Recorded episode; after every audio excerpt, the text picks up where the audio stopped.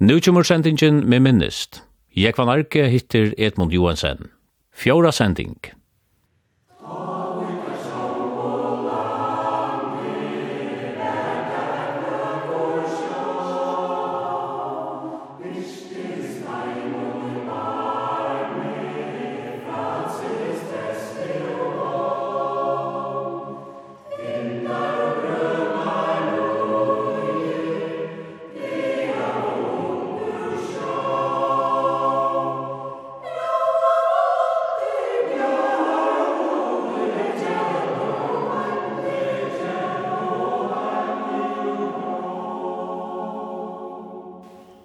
Edmund, hvordan var avbjøvingen at få alle vinna til at rikka, og hvordan stod vi i mån til andre land?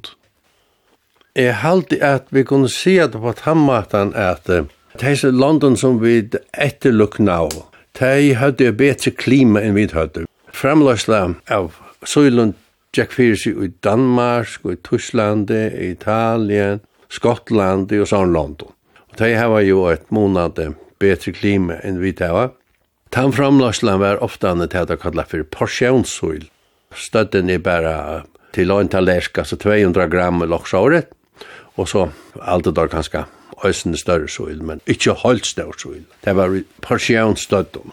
Og dette her skulle vi så kappast vi, men det kunne ikke kappast vi, tror jeg. Vi hadde ikke det her klimaet og det her vattnet til dem kappen ikke okkon, hon skulle være at uh, bruka termetåtene til at skaffa okkon smasøylene som skulle settes av kjekv. Så det var faktisk en kamper om at få at her framløslene av rikka og i feskvattnet, og så at um, flyta deg av kjekv, og gjøre byrgingar idla boer til deg av sjøvnen og få deg å veksa til støvsøyl så skulle det faktisk kappast vi laksen som førte røygingar og så framveis. Det var avbjøring. Og da vi også om at um, vi hadde ikke så større eier som man har i utlandet, vi hadde et stort sommar til hita og i avnån, så var det her en stor avbjøring. Og det viste seg øysene, just det rønti i skalabottene, og fyrir at det nå fram til til støttene som skulle sittes til skjegg, det vil si at det skulle være middelen halvtrus og 100 gram, så tok det tvei år. Og det vil si at man fikk alltid ein veter av baksa vi i skalabottene, og ikke, ikke følt jeg sier at man får en stauran kava, så, så tippes det egen, og så får man nek frost, så frister det egen, og vattnet blev nærmast vekk, og alla kanaler til hiljanar tippast og så vidare. Det var mange natten brukt til at uh, skumpa kava ur kanalen her fyrir at vattnet ikke skulle stegge opp til um, sølene. Og særlig var det øsne krep i ånden som rann inn i kanalene og, og i rørene som skulle føre til hiljanar. Så, så det var, det var simpelthen ikke til, altså. Du kunne ikke ha ståra nøgder her om, om vetren så måtte anna skinn takast om bak. Og søylene er det sånn at hvis du har nok av hita til kletskinsene og til starfhavnsene og åt sommar at rett, ja, så fartet de noe større etter en halvun år i stedet fire. Og ta inn og søylene gøyta om, om vare, så ber til vi flekk på vattnet, eller vi til temperaturen, bæja kletja deg og starfhavra deg og få deg og i hiljanar og få deg det jeg en veteren kjemmer. Det vil si at du brukar bæra nekra månader steg fyri, og du brukar sommar i fyrje. Så klarar du då fasta, fasta. Og fem man det så er sjekk, så er det ideelle forholdene, det er mye temperaturer og fåre til stier og i fyrje. Det var så løsner at vi kunne kappast, og så løsner at vi og avgjavangene. Vi hadde så lagt til merkes at det kom og nekra små kjelder oppe i hjørni og i skalafire, som også nu vil kalla skala botnur. Og hesar her smave kjeldene, der bør så mye at man kunne kle rognene mitt om og byrja kanskje en starfjøring til ikke forståra nøgd. Så man sa fire måneder hvis man heier fløtt vatten. Og så var det tvær veier å genka, annan vær å finne hette vattnet, hvis det var her, ytla for at hita vattnet. Og det kostar en rikk ved å hita sånn jeg vatten, det var tåsa om verskja sundi og imsa stedene her som avlopside vi er, men blåvangan til nek. Men så får vi at um, leita etter kjeldum rundt om i fyrjum. Så man har hørst om nekva kjeldur rundt omkring. Vi kjente ødel og varma kjeldur i Fuglafyrir som hei sinter av vattnet, men nek for løyde til nekra ealing. Og da det var høyt vatten ångstan, så var det verst affæra at kanna hver ui kjelder var og vita hver hit var utom. Så hette her blei lukka som at jeg ikke arbeid ikke just mer at røyka land og rundt og vi en matestotje og i lommanen for jeg vita hvordan vi hiten var i som forskjellige kjelder. Vi var nekva stedene. Den ene dagen minst det at vi var norri og i Konøytene. Vi uh, silte til Klaksvikar, ta før man vi Ferke, og så silte vi etter til Heraldsons, Og vi gjenker fra Heraldsonte til Koniar, så var om Koniagal, vi hese matstodgen, og vi vet at det hørst om kjelter hinnemenna, altså Koniamenna av Koniaitne. Vi hadde tverre smagjenter vi og kom, døttrene til mer, det yngre, Sigga, som var en tjej åtta år, og vinkonna til henne Hildur Paulsen. Der var vi åkne, det var en gaur sommardagur vi får nå etter. Og vi får norr etter bakkan og minnes det at det var nok så bratt i øynene sted her, det var nok så vanda meg i kjøsene i smagjenten, at genga etter sin gøtene som det var snipsen i fire nere kjegv. Men det gikk alt vel, vi kom til Koniar Øtlengau. Men av venon så malte vi kjelter, og det øyne kjeltene som vi særlig var interesseret i, hun var rettelig stør, Og jeg minnes heldig ikke at hiten var ugjennom, men det var nekka hita ugjennom, hun var ekvelig interessant.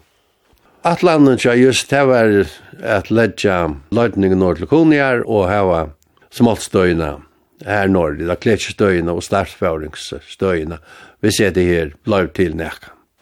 Ja, og vi fører så fra Kuni atter vi bat i halde det var masen vi silti atter til klaksvigar. Men um, Så gjerne har vi lett meg fortalt at bakkafrost nu brukar samme vattnet, men det renner ikke til Konia, men det renner i jøkken og tunnelen, og iver borøytene her som landa fast er. Så det snakk han til øysene, lese, men vattnet er rettelig vår døyfold, da man tøsar om æling. Hatt har vært noe som tannparsteren, men så fører vi da løyda vujare etter kjeldom, og hetta velukka som en eika sporster man hei ta i kæva var lakstur, ta sa man så vel i lenten og hver og i kæven brana i. Og ta vi kort etter venen, ta minnes det at jentene som er som, ta var i øysene avskeier av oss nere kjeldesnatsjen, at her pladde a stand upp i baksetsen og råpa til moin som kortet, ba ba ba ba, her, her, her er en kjelta, her er en kjelta. Så vi tar här såg at kavan var bra navar uppe i bräcken här och så blev stäcka og så blev malt. Den ena dagen vid kort förboj Ajenar, konar man ett av vi og gentna var vi. Ta hitje er nir ved grøvene, og sørg det at her renner, her renner den og for nir ui, anna vi, matstasjonen, og matstokkeren for opp på en talv hittasti. Og her rann en rikva av vatten. Og ta øyde vist ute, ute under kjelden, her vi eier, men her er så mykje djup gjør at det sast ikke, det renner under gjør. Det kommer ur brekkene nok så lengt oppe, og renner mest som under gjør, kommer undan ångstan jo man etter, og her som vever nu skår det her, her var det jeg malte vi matstås. Og her var massar, man sa beina veien, her er flere sekundlitrar, som vi kan leida, og her er hiten rettlega ord. Og jeg minns at jeg ringte til um, Juste Tune at han også etter å si til at nå er, nå er det gos jo en kjelda funnen, Metti, metti om gos stauren vær, og visste om også gos hiten vær, og, og så er, og han sier til at hettar er veru revolusjonen. La nekka sådesna, tog han til. Tog at uh, hvis man bæg hei kjelden av jo eier, og så det som steg øyder etter da står i ånda til at hamra, så har man grundarleie fire, som vi hadde drømt om. Man kunde kletja vid tog temperaturen som man ville hava, man blanda i vatten som man ville, og man kunde startføre engelen, og, og man kunde hava engelen her inntil sommar hit nei tidsi vi i skala 4, og så føra deg ut i skala 4, og alla dei nøst år til, til hestar, og æren vetren kom. Og det var så opplegget.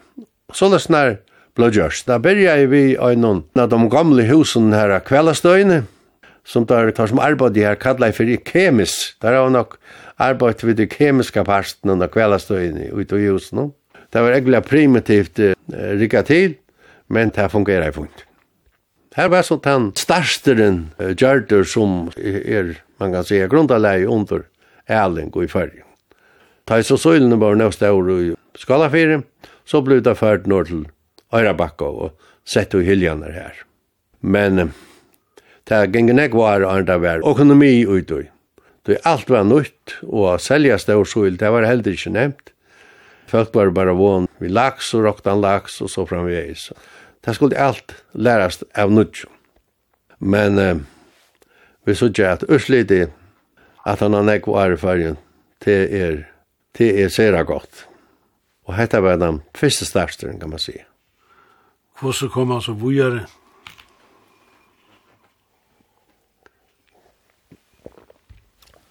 Ja, så er det så er det um, uh, lakseren gjør så galt alt det. Det første laksene som jeg minnes, det var Aren, uh, heter huset var gjørst. Jeg minnes nekrar laksar og i en skuri her, just da vi hadde funnet kjeldene, ta kom just vi og noen og sette han her som kjelden renner uh, uh, tatt vi veien, og jeg halte han i lantan fra, fra landsverksforeningen, og han er finnet laksarogn ur Osland. Og jeg sier her laksarogn skulle kletjast ut i sin her skurene, og Og ja, jeg var, jeg var så vidt til at passa vattnet og, og vattføringen og, og, og røtje seg her, edjabakkanar.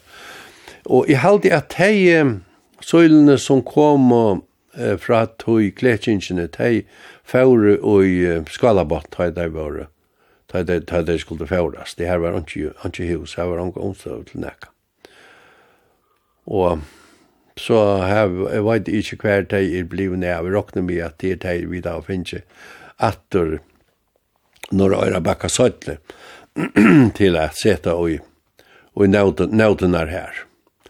Men uh, i midlertid så, så vi kommer snakke om at uh, få det rette eh, laksa tilfærdig ur norra, tog det var bedre egnet som elfiskur. Og Og ta er det havståan som takka løs fyrkjører som knar ståan, Andreas Reinars, du er. Vi er med og fyrtøy, og jeg sverre var stjåre, og hadde sett seg i samband vi, vi, vi tar føran i norra for å få alls materiale til, til fyrjar. Og vi finge et så godt vinnarleg bæg vi eh, Sunndalsøra og tar som høtte Ferdian og Erlingen er i og det samme fagorfelag i, i Stavanger, Skretting, som tar vær, Hallingstad og Kittelsen, at, um, at vi tar seg vittar med som, med som kvann det er om, om ærling og ut, utveksla og uh, meningar om om om byskifter og og og hvordan man skulle gjøre. Det var det var rettelig stuttligt. Og vi var til messer i Norra og og imiskar framførsler og, og sau og torrere æling, og tøy var i østen i fergen og, og sau og hvordan omstøvene var her, og vi fikk negga og prat vitt og lærde der i etter kjerpekjøt og rakta gas og forskjellige sår. Det, det var egentlig stått litt tog. Og her finner vi bæg materialet fra og vitanna fra det var en, en, en, en kjempe utvikling for jælingen i førjen, at, at få at, få at han ta visene fra tøymen også. Og her vi har stedt en nekver ælare i Norge har vært vi sindre av at vi skulle få det beste avsmaterialet fra dem. Vi åttan, vi åttan av blunka og, og er fremme for tøyre jælingen i det. Men eh, Men uh, vi hadde nok finnje, vi hadde nok finnje alls materiale, og lukka vel, det råkne vi. Men dette var en, en vinnerlig mat jeg fått på, det må jeg si. Men det kom jo en troblakkar i allingen. Ja, men så, så byrja, ja, ja, ja, men så byrja jeg jo penger at, at, jeg var i allingen, det hørtes fra norra, og det hørtes der stedet fra, at, at, Erling var eh, lønsam, må vi selskapet eh, være nekva høyre omta, tar høyde høyla fjærer som der sperra i av i norra, og, og selde nekva laks. Men som du sier, det er stungust øysen trobløkar opp, tog at eh, det er bare ikke til at sperra fjærir av og så færa færa dør, tog i tabla ildsvinn, og tabla uh, dukka i sjukur opp, og, og så framveis. Det måtte, det sa jo at det måtte gjerast under formen her som du hei styrin gator.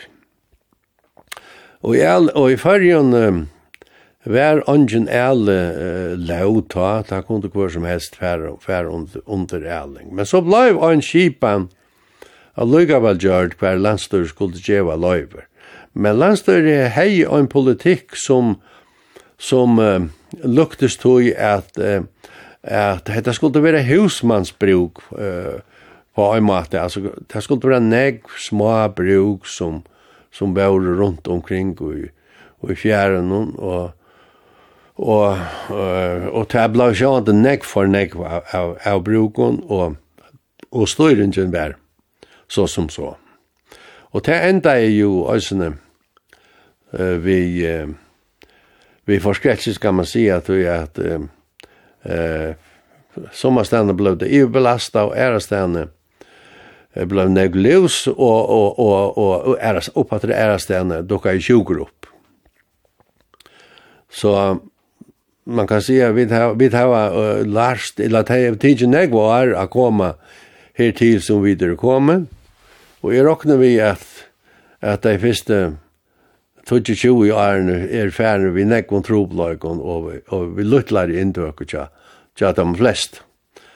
Men, men så gjerne har vi og så ikke til lastene vi av og nu er det fabruk, vi går styring, og, og det allmenne heldur eia vi bare i miljøen og vi, vi sjukken og, og hever eh, skrappa regler för hur och man skal uppföras. Men det vill också om att vi alla er det hundra tusen tons av fjæren og bant utanför fjæren her, og så er det eh, ratteliga nek og ta ma bestemt belasta eh, fjärren og, och, och, och fjärra månaderna eh, ratteliga nek och og hava eit vist arin og og miljøet tjokk. Da vi hugsa om at vi da var uh, man kan säga livet av fiske av landgrunnen och hvis vi säger att att det över fiska en 000 tons och i mejal om är och i några herrans så är så er det 100 000 tons av lax i middel middel mittlen atjanar og, og fjärra månader till rattligen, rattligen att, att sätta sig fyr. Tog ihop i att äh, det kommer en tog kvar och och laxa ärlingen för ut att häva alla den stora laxen, alltså man ger den små laxen av land och inne vid land medan man för ut att häva och, och äldre den stora laxen och minkar trusti av fjärnar och fjärramånader. Og hva sier møvelagene for tøyen? Ja, det er, det er ikke mer å si, men jeg vil alle tøyene hilde at, at det er bare en spårninger om, om tøy og materialer, så, så ber det til.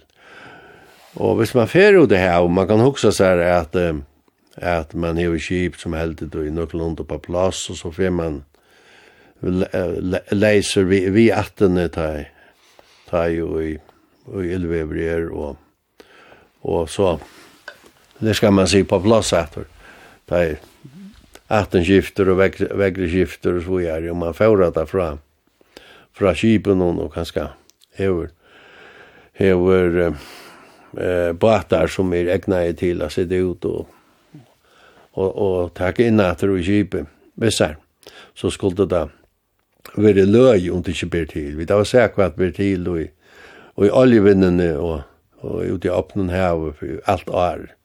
Så det har vi en sterska trygg på at det blir til. Og det har vi også om hver fire måneder hadde vi ute. Vi det var også um, hita vi skifter som som spelar nek inn i allingene. Og man kan huske seg at man er vunnet sinter. Vi har vært tølja sånne for førre som var hit inn i kjønne og sinter maier om bare. Og tar man hei bruk for jeg synder kaldare skjegg, så hei man færre norrett før i ta Det førskåtjen er så enormt størst. Så vi det øyne kunna kunna ha haft fire måneder av, av flott åkne etter fram og i det førskåtjen. Og det ser ut som at sigla etter og fram við fisken der det, det er best taktans við Vi det så ødelse nødje skipene skipen som bakkafrosti hva jeg hever, hever kjept, at sigva sikva en tusen tann som bor og, og, og flyta deg som ikke livande og, og, og, og pumpa deg på landet. Så hatt her, hatt her trygg vi på i fremtiden. Edmund, du har reisende haft vi sørlige gjerne, middel andre av kjeljon og i reisende vi Erlefiske, Og så då eisne vi jo pjøyes ned vi framleisle og søli av rætjum. Ja, ja, ja. Ja, så vi, vi, vi laksen og det er, det vant bare på seg at markedet blir større og større, og det, det, kan si at det er stort at at uh, vi til at det var en regelig uh, forsyning, altså at, at tjejbarner har kunnet råkna via få av laksen fra elaren, så har det markedet bare vokse, vokse, vokse. Og folk har domt vel uh, laks, og han har en pen, en lit, og sånne. Han er regulær, uh, så er han, uh, gav for jeg eier at han kom til å båre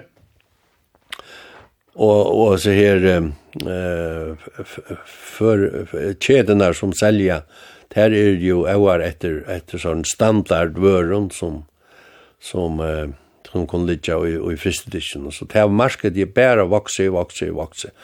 Og det ser ut som han og uh, laksa, uh, lakseren har kunnet konkurrere vi kjøttvører og, og flåfena og så bøyer.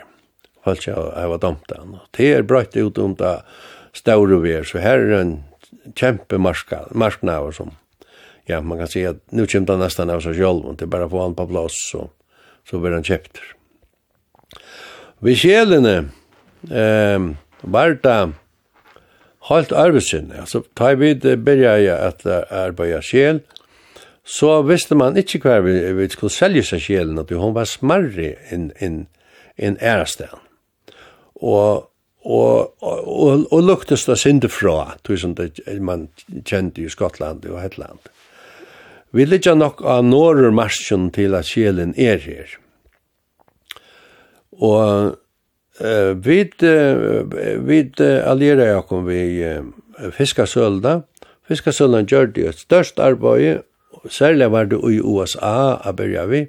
Dollaren var høvort, og han var en 11-12 kroner.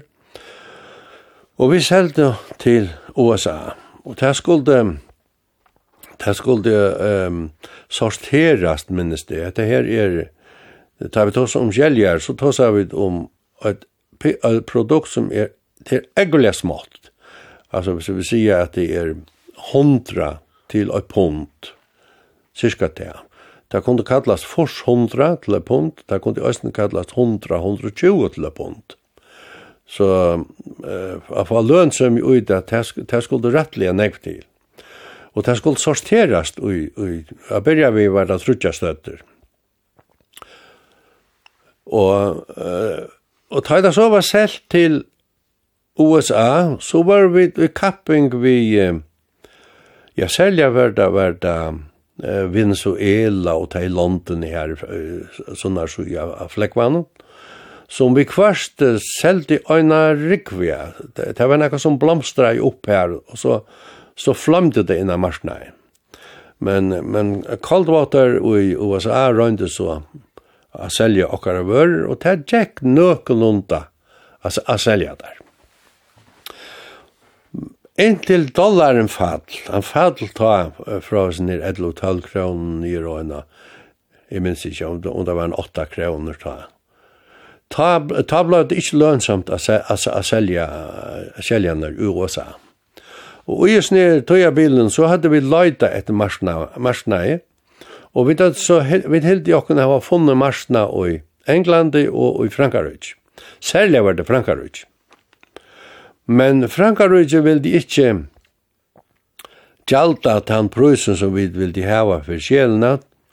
Her hadde der um, uh, øyna en særlig um, ja, man kan kalla det vurdering av, av, av kjeljon eller oppmat opp, um, mating av hva, hva, hva skulle kjeljon kosta. Og jeg minnes det at har klassifisera og okkara kjel og, i den um, lagsta klassan. Det var så småar uh, som de kallar for uh, piton, eller okkara såhård på et chakra hvordan det uttalas, men så er det hård vi det. Men jeg vet, vil det hava at det skulle kallast um, klamos opercularis, altså av latoine. Det var en, en finare flokkor, det var i slekt vi, vi, vi, vi pekten Maximus som er der mest uh, var døyfotle kjeljanar. Det som vi tar av färjabanka til dømes. Og hetta var en større kamper om, om navnet, og, og alt er avgjerande for okken om, om pruslevene. Men, uh, men vi vunner leie. uh, og ter, ter, ter øyde det uh, heter her uh, Klamas og, og Parkulars. Og, og prusen, han, han, han får opp. Og marknaven er nesten avmettelig i, i Frankrike. Så, så, så her som pastoren bare øyne, rettelig spennende pastor. Og fransmennene er i år etter okkara kjeljen. Jeg kan fortelle en liten søvig om, om okkara kjeljer. Vi hadde selt alle kjeljene til Frankarøyke, da en åre. Så er det, er det um, og i fattatingen. Og den årlige funderen er, han skal være i, i, i, i Vi skulle halta han upp i Jylland. Uh, tatt upp vid Limfjörn. Og her sida vi så einar finare restasjon om kvöldi. Hette er, hette er Hasommar. Og så får vi et forratt, men nu sitter her, og til jakskjeljer. Det, det var ikke noe som er i vi å gjøre. Men så all, all kjente uh, annan, og, og all kjente meg at eg kom fra, fra kjeljen, og så sier han at Edmund, hetta kjente jo Jakob Kjeljar. Jeg sier, ja, ja, jeg held meg kjennes av Kjeljar, jeg held at han kom av øyre, jeg sier her. Og så griner der og sier, ja, men altså, du kan ikke kjenne øyre av Jeg sier, jo, jo, men jeg, jeg, jeg, jeg jeg vil si at hesar er jeg og øyre. Nå, men så ble det her lukket som en diskusjon om vi bor, om, om det er noe kom jeg og øyre. Det er bare til å finne det av man kunne røpe etter kotjen. Så røpte det etter kotjen. Og han kom så inn, fortalte alt om, om maltøyene og hvordan kjeljan gav av kjeljan er var. Og, og og så ble han spurt hver kom det fra. Jo, tar, tar, tar, tar, tar kom jo Frankarøys, da kjøpte inn ur Frankarøys. Og, tar, og så fortalte han at at um, så, sånne restrasjoner som den her, der var bildet sikra seg at, at gøskan var den aller beste, tog kjøpte der inn fra hesten her, kjenta, og i Frankarøyge, tog jeg kjelja med at det var så vibretjen. Hetta var der beste kjeljene. Det var nok stolt å høre. Det må jeg si. Så kjeljene var jeg også. Rætjer hef du eisne finnst vi. Ja, det er en langre søva vi rætjen, ja. Vi, uh, vi hadde jo finnst Kjeljavirke, og nok Kjeljavirke, og, og, og nok Kjeljabat, eller en den gamle nok Kjeljabat, og finnje te a virka, og, og, og finnje sølen a virka, og alt virka i funnt, Og til jeg gav pengar i, i kassan. Ikke så løyde heller. Og så får vi da hoksa ehm vi er om det, om det, om det, Hetta var jo hetta var jo sesong sesongarbeid. Du sjelen var best fra tullium heste til til nudjars. Ta ta var da hvis man kunne klara taka nøgtena ta, så så fekk man størst størst utstykke ut. Og og vi ville jo varvaita staunen samtøys. Så, så det rådde om å få altså mest på sjur. Og det var jo, kom jo en fasta levo, bæja fiska og framløya og, og selja. Så var det neste stig, det var, var noe anna gjera, og til dømes innenfor kjelja fisk. Og ta var det såleis når at um, det var nekver uh, reibatar i, i fyrjun, Det var bare veksende tal av, av reibatum.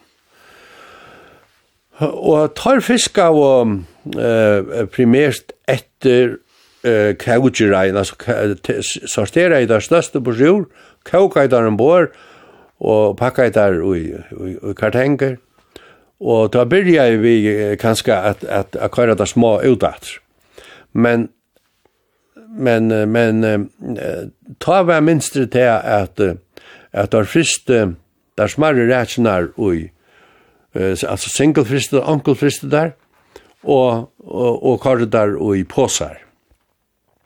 Og hadde der han vi. Og det var ofta han, han tringer av lasten, det kan også være helten av lasten som var, det som man kallar for påsarrætsnar. Og det var altså feskareier som var fristar, ankelfristar og kartar og i påsar. Så det var grunden av en fin ravøra, hvis det var vel vidtjast om bor skipen. Og hetta bær og i av vis av tonsen, og hetta, ble, hetta får alt nye vi, vi skipen noen til, til um, Hirsals, idla her som skipen landa, det får av landen. Så vi så en møvleika ui at at uh, servisera skipen i färgen, altså alt kom på land och färgen og vi köpte eller gjorde det rättvirke som kunne köpa eh, ötna av rättsnar. Men det var ikke bare som man sier det, at um, det er Det er pilkaver reaksjoner som man kjente fra man undan, til dømes ur Østlandi og Grønlandi og særlig Norr-Norra. Det var um, feskareaksjer som batane fiska av, typisk en av viko var der ute og isa i kassar, og så kom der inn av virke, og så arbeidde virke i, i nekra deir, eh, hessa feska reaksjoner.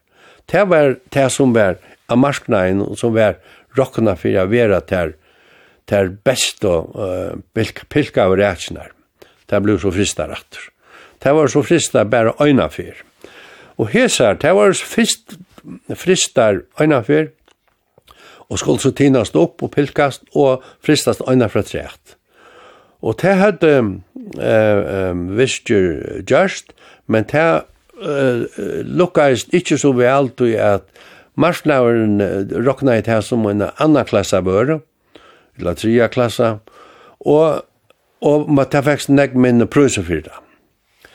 Så okkara er det vær om man kunde gjøre et virke, vi setter okken i samband vi, vi um, et, et, et, et, um, ingeniørfirma i, i Danmark som har arbeidt mest vi reion. Matkon, kallas det. Og um, vi tog for eia at, at konstruere et virke som kunde framleia rætjer og, og, og det kunde være så nær taimon reien som var onkelfristar Så det er at kvaliteteren eh, ikke, ikke gjør det til at man ikke slipper inn av marsnei. Og dette virke ble så konstruere etter tog. Det skulle leggja seg opp at, at tøymereien. Og ta i vid, så hadde just virkjas, det kravde at du hei en bestemta opptiningar metode, og en bestemta boningar eh, tøy til og en bestemt un leka, og så skulle det der pilkast, eller kaukast og pilkast etter tøy, og alltså allt allt efter efter så säga en en feston lust.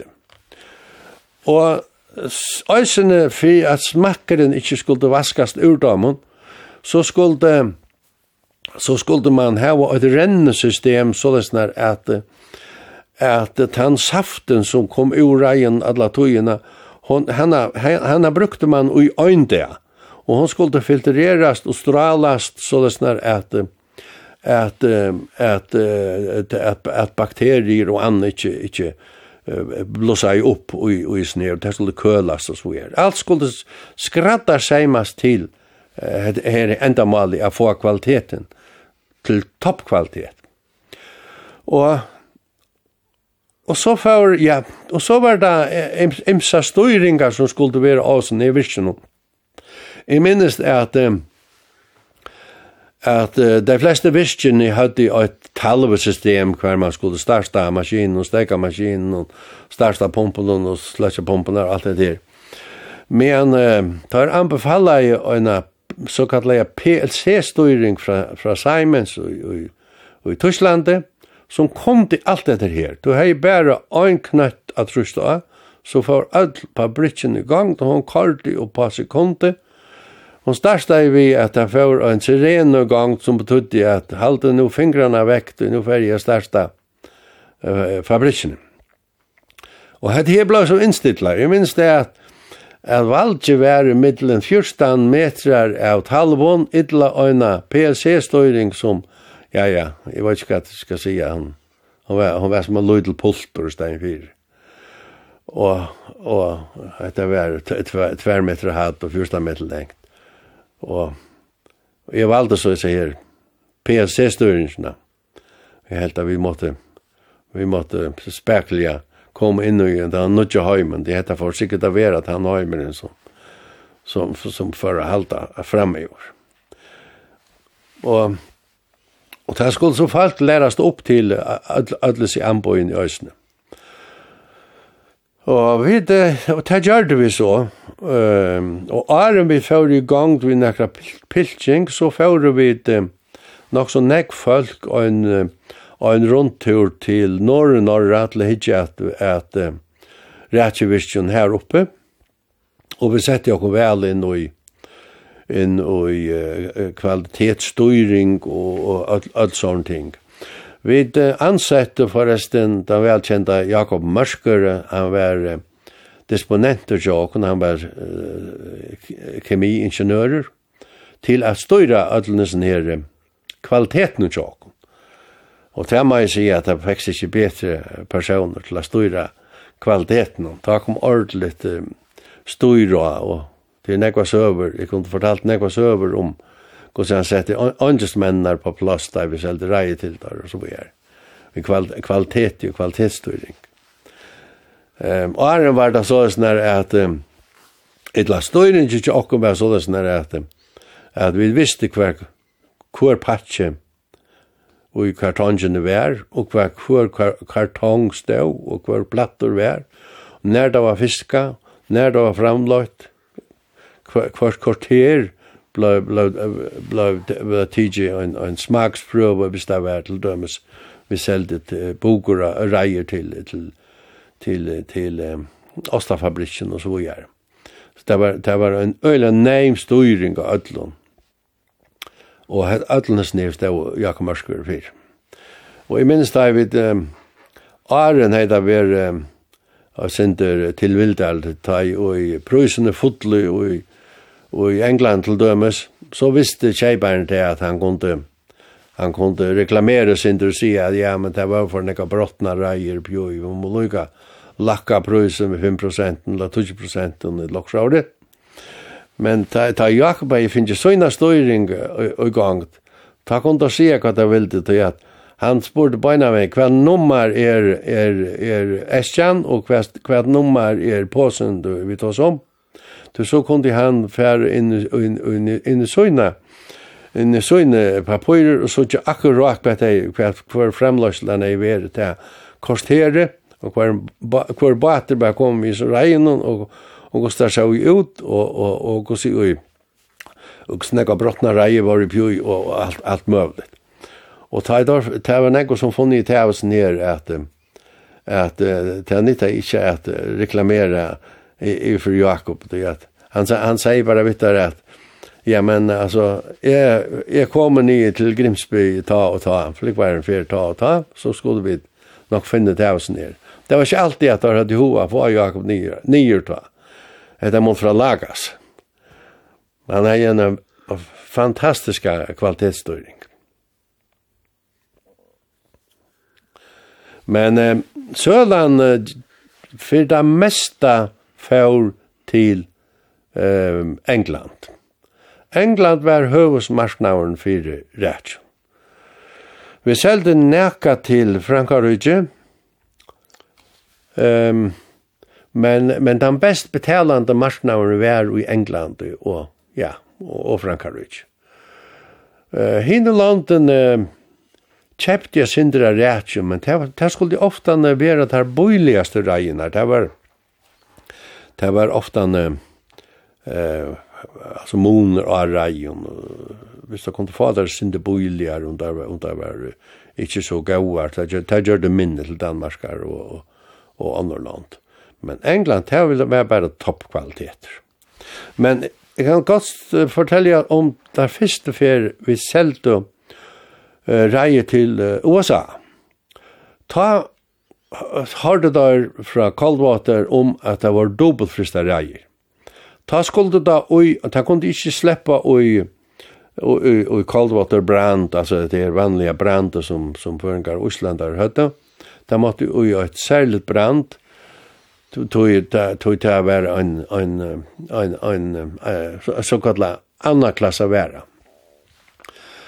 Og så løsne selte vi det i et år, et eller så og i tjøkkenes. Og det var sindre boiljær, det skulle hava sindra ivevekt, og det var forskjellig krøv til det. Uh, men det gikk fint, det var ikke det. Men, men så kom en tøy hver, og kjeiperne helst ville de heva det. At det var helst ville de heva okkara reier, fram om mina reinar. Og forklaringen er sjåvande hon at okkara reier var meira standardvør enn hinnar. Det var fristar om bor skipen på en av veien, og, og det var, det var tinnar opp og fristar atter til okko. Det var meira standardvøra. Men hina vørna som per du fiskar en høyla viko, og framløy kanskje en turja fyra der per lente. Her hei det var en toppkvalitet vid de nudjaste reien, men der søgnaste du framløyde var vanlige reier. Og hvis jeg, og, og historien at hun ikke var perfekt, ja, så, så kunne du alltid få vanlige reier på dem gau. Så kjeiperne begynte jeg å spille etter hesen okkara reien stein fire. Og jeg forstiller meg at her, om det her ikke um, hadde bare 100 så var det kanskje konstant, jeg ser forskjell prosent kvaliteter og, og, og, og standard, altså alle togene det samme, det samme, det samme.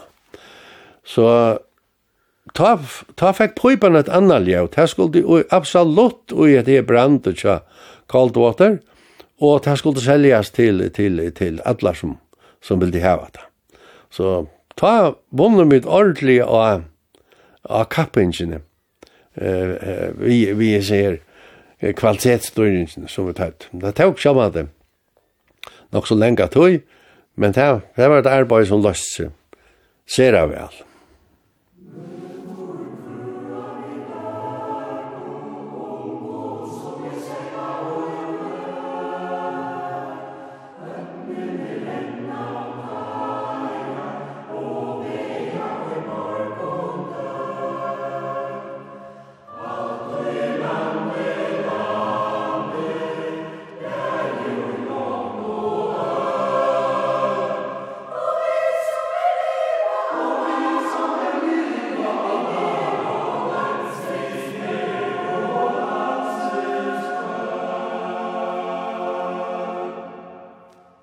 Hatta var sendingen med minnest vi Edmund Johansen. Jeg var narke leid til rattes. Fjóra sending.